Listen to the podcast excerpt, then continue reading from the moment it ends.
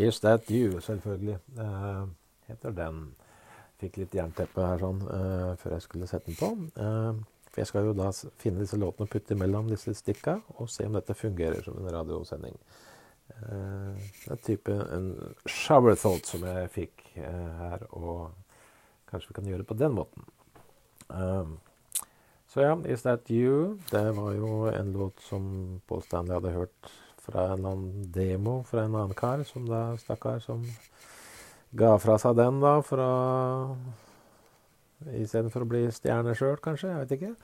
Men uh, veldig fin Kiss-låt, selv om de ikke har skrevet den selv. Det, de er masse de ikke har skrevet eller spilt, faktisk. Det er mye, mye de har innrømma, mye som kommer fram etter hvert. Uh, det er nå så.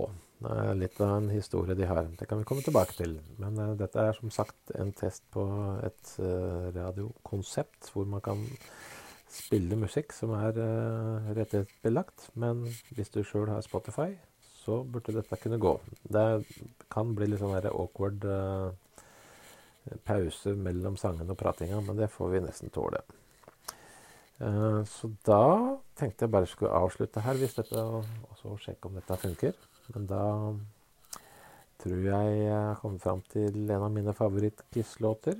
Uh, som ikke er en Kiss-låt. Det er en sololåt fra Paul Stanley, og den heter da 'Tonight You Belong To Me'. Takk for meg. Vi høres når dette blir en suksess. Ha det!